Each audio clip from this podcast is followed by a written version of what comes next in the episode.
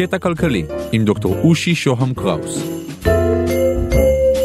קטע כלכלי, פרק 65, גלובליזציה, ההיבט הלא אנושי. בפרקים הקודמים דיברנו על התהליכים המופשטים. עסקנו בקדימות של המדיה ובאופן שהיא מכשירה את הקרקע לתהליכים גלובליזטוריים. דיברנו על מערכת העבודה הפורדיסטית והפוסט-פורדיסטית ועסקנו בשוק ההון. עד כאן תיאוריה כללית, אפילו אבסטרקטית. היום נדבר על אנשים, על המרוויחים הגדולים ועל המפסידים הגדולים של הגלובליזציה. שלום, כאן דוקטור רושי שוהם קראוס, והיום אנחנו מגייסים לדיון שלנו את סוציולוג החברה בן ימינו זיגמונט באומן.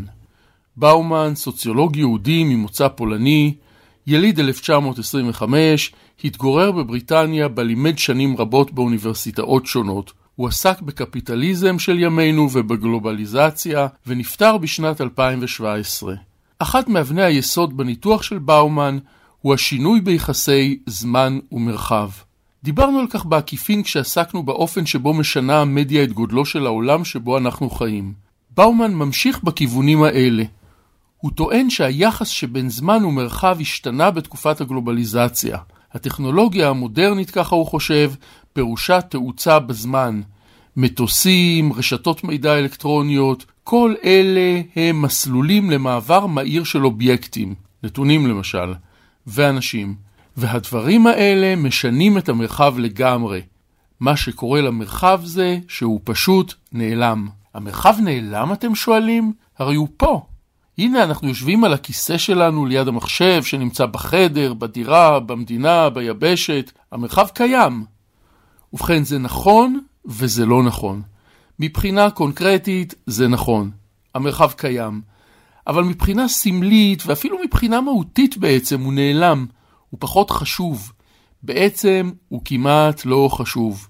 תראו, בפרק הקודם דיברנו על ההון, אותם סימני מחשב מופשטים, בעלי כוח עצום המכונים כסף. ההון הזה זורם ממקום למקום כמו מים שזורמים בגלים ממקום גבוה למקום נמוך.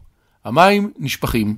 וככה ההון, כלומר הכסף הבא לידי ביטוי במכשירים פיננסיים מגוונים כמו אופציות, חוזים, מניות, אגרות חוב, הכסף הזה שוטף את העולם כמו מפל. הוא רץ למקום שבו אפשר באותו הרגע להשיג תשואה קצת יותר גבוהה, ועוזב מיד כשהיא גבוהה במקום אחר יותר.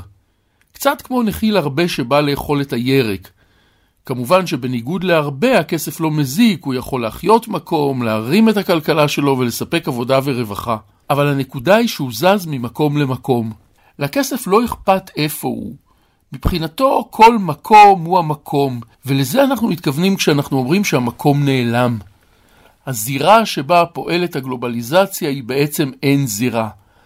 הזרמים הגלובליים שוטפים ממקום למקום ומשפיעים על חייהם של מיליארדי בני אדם.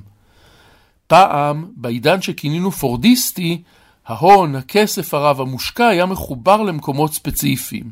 בעל הון היה בונה מפעל ענק, משקיע בו את כל כספו ומטפח אותו במשך עשרות שנים. כמובן שגם היום יש מפעלים, אבל היום לא כל כך משנה איפה הם נמצאים.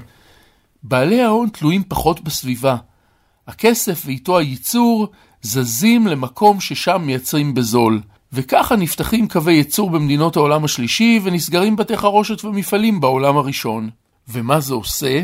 זה מביא מצד אחד אפשרות לצמיחה מסוימת במדינות העניות, כי הכסף שנכנס למדינה אמור להביא שגשוג. אמור? כן, רק אמור.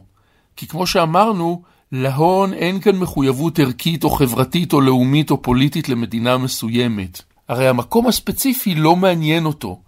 ולכן, ברגע שכלכלה מסוימת בעולם העני מפסיקה לספק את האינטרסים של ההון האבסטרקטי הזה, הוא פשוט בורח למקום אחר. ומה קורה לאנשים? לאותם עובדים שייצרו בתנאים קשים, אבל לפחות הצליחו איכשהו להתפרנס, הם שוקעים שוב באבטלה חמורה ואולי אפילו ברעב.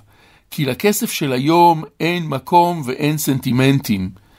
אז המקומות נעשו לא רלוונטיים. מה שרלוונטי היא רשת גלובלית של בעלי הון ובעלי המקצוע, אנשי המעמד הגלובלי שמשרתים אותם, אנשי כספים, אנשי אינטרנט ומחשבים, מדענים, אנשי טכנולוגיה, ואנשים שמסוגלים לסייע להתפשטות הכלכלית מהסוג החדש. אבל מה קורה לאנשים שנשארים במקומות הלא רלוונטיים? הרי המקומות האלה לא התרוקנו מאנשים. לאנשים האלה זיגמונד באומן קורא המקובעים. אפשר גם לקרוא להם צמיתים, כמו אותם איכרים שחיו בימי הביניים על אדמות האציל ולא יכלו לעזוב.